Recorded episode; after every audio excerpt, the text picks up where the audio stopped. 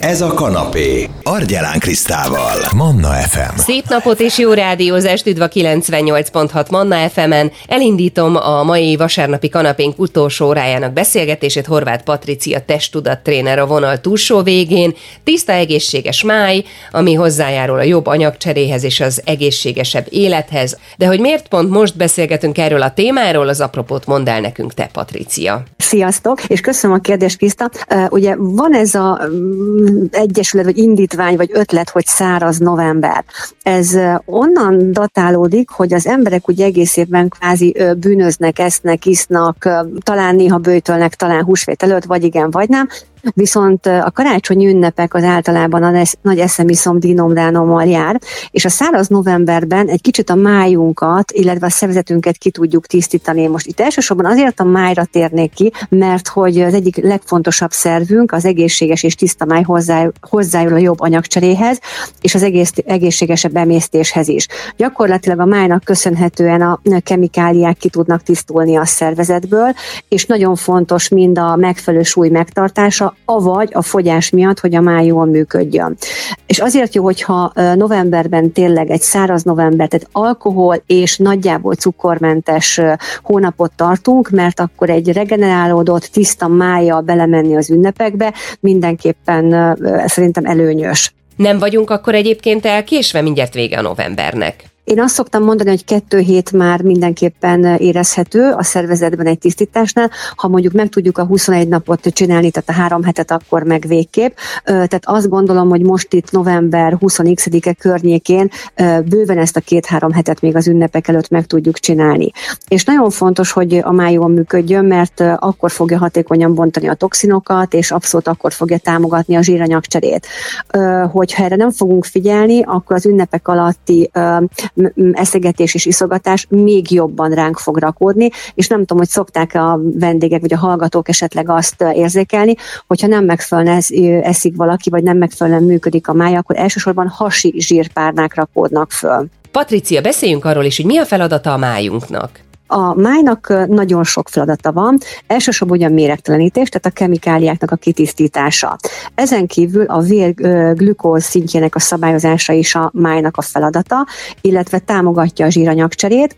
A vitaminokat és az ásványokat is a máj raktározza el, és ami még nagyon fontos, és nem kevesen tudják, hogy a, a vér koagulációjának a szabályozása, azaz a véralvadásban segít, tehát ezeket a vérlemezkéknek a termelődésében is a májnak van nagy szerep szerepe, és a más sejtek enzimek segítségével lebontja a toxikus anyagokat, és ami fontos, hogy az anyagcserében is ö, ö, meghatározó a szerepe, ebbe beleértem a szénhidrát, a zsír és a fehérje anyagcserét is.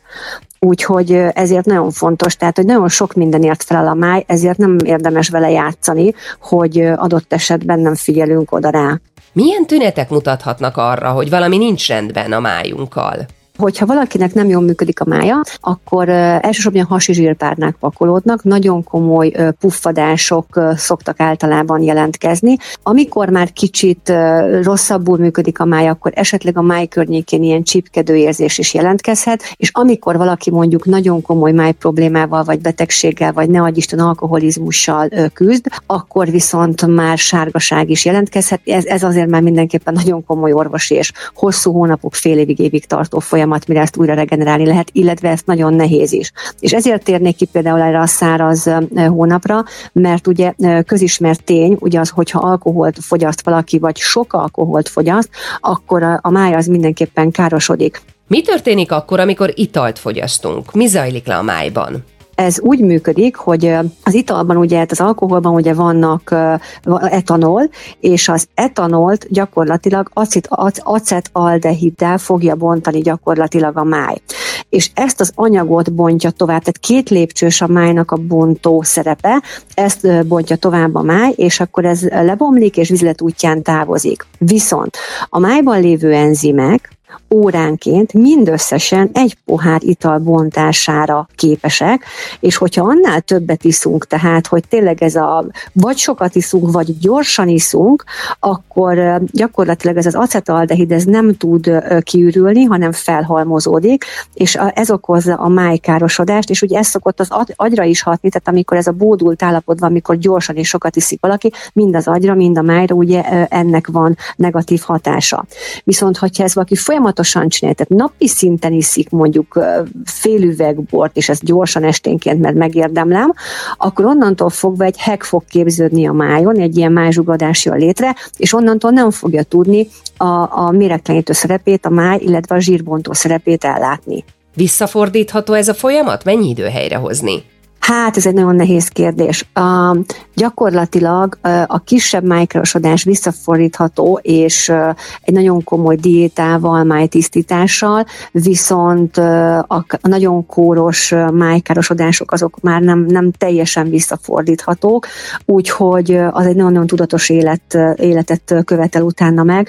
Például aki mondjuk fontosan gyógyszereket szed, ugye a gyógyszerek is folyamatosan károsítják a májat. Tehát éppen ezért azt szokták mondani, hogy aki gyógyszert szed, őnek az alkoholfogyasztása nagyon-nagyon kell figyelnie, mert ugye már nem úgy fogja bontani gyakorlatilag az alkoholt, meg az acetaldehidot a máj, a gyógyszerek legyengítik a májat, és emiatt nem.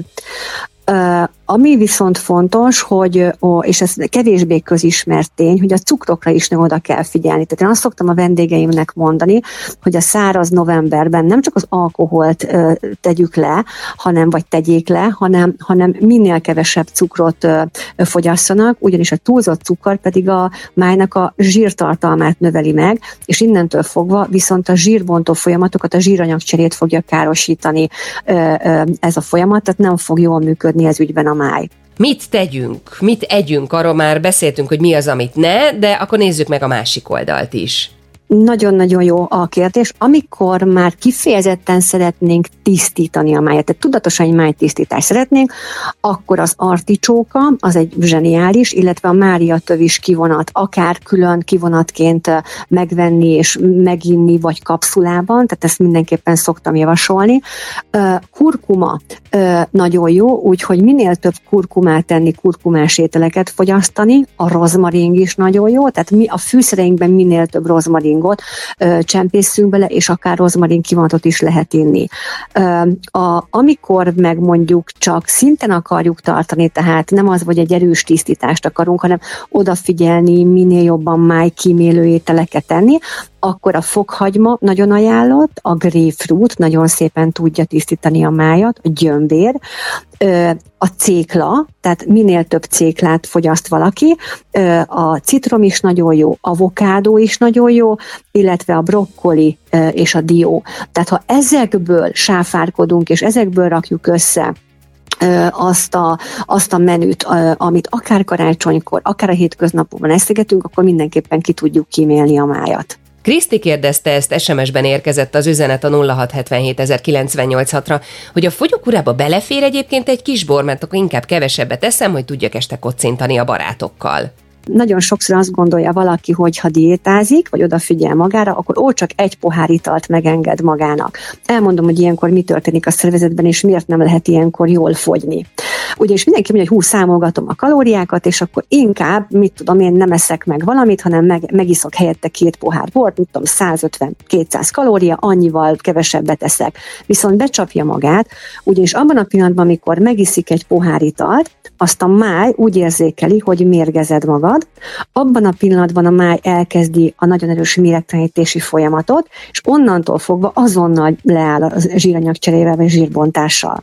És onnantól fogva kb. kettő óra lesz, mire újra el tud kezdeni kvázi azzal foglalkozni a máj, tehát automatikusan visszavetjük a diétánknak a sebességét. Nagyon szépen köszönöm a beszélgetést. Horváth Patricia, a New Way trénere volt a vendég itt ebben az órában a Manna fm és tényleg nagyon-nagyon fontos, hogy a májunkat egészségben tudjuk, ez a jobb anyagcseréhez és az egészségesebb emésztéshez is hozzájárul, és a fogyás szempontjából is fontos lehet, és egy csomó-csomó funkciót lát el a máj a szervezetben, méregtelenítés, a vér glükóz szintjének szabályozása, vitaminok, ásványok raktározása, valamint a vér koagulációjának, a véralvadásnak a támogatása. Úgyhogy, ha valaki szívesen visszahallgatná Patricia tanácsait, akkor természetesen ezt a beszélgetésünket is felteszem a Manna FM podcast felületére, úgyhogy akár iTunes-on, akár Spotify-on lehet majd keresni. Manna, ez a kanapé, Argyelán Krisztával. F.